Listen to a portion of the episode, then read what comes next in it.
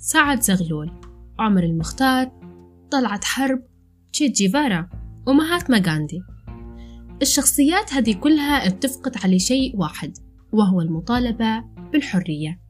واجتمعوا حول كلمة وهي لا.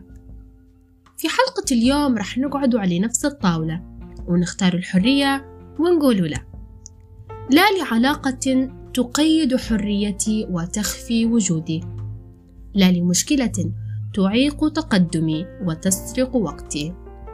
لا لأفكار تزاحم أهدافي وخططي لتسرقني من مستقبلي. لا لمشاعر مزيفة تتعب دقات قلبي. لا لنظام وحياه تحبس حريتي ومعتقداتي. مع إن هذه الكلمة صغيرة اللي تتكون من حرفين بس الف ولام بس لهذه الكلمة تأثير واضح وكبير بعد قولها في تغيير حياتك.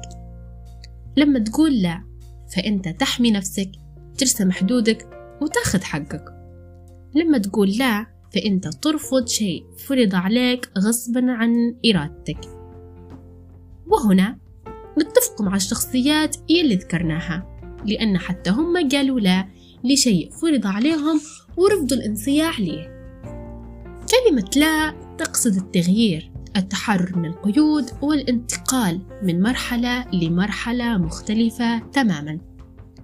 في كتاب لا بطعم الفلامينكو للدكتور محمد طه يحكي في فصل بنفس عنوان الكتاب لا بطعم الفلامينكو عن ال Gypsies أو الغجر. أن في أواخر القرن الخامس عشر وصل الغجر إلى مشارف إيبيريا على حدود إسبانيا. بعد تنقلهم وهجرتهم من وإلى دول عديدة منها الهند وإيران ومصر القديمة.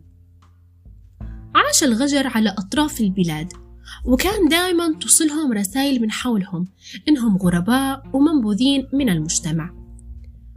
وهنا قرر الغجر أن يوصلوا رسالة قوية ومسموعة لكل الناس فقاموا بتصميم رقصة تكون الحركة الأساسية فيها هي الضرب على الأرض بالقدم بشكل إيقاعي متتابع وباهر.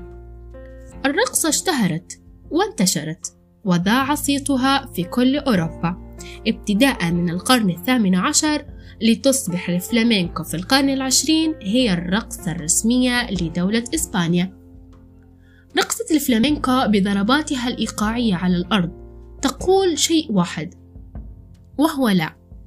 لا نحن هنا. أسمعونا وشوفونا. الغجر رفضوا وضعهم وحالتهم. رفضوا النبذ. وقرروا يقولوا لا بس بطريقتهم الخاصة. مش زعما يكون جاي الوقت اللي تقول فيه لا وتعبر عن نفسك وتغير نمط حياتك. بودكاست هدرزة عنوان حلقة اليوم ألف ولام. من إعداد وتقديم نغم الفرجاني.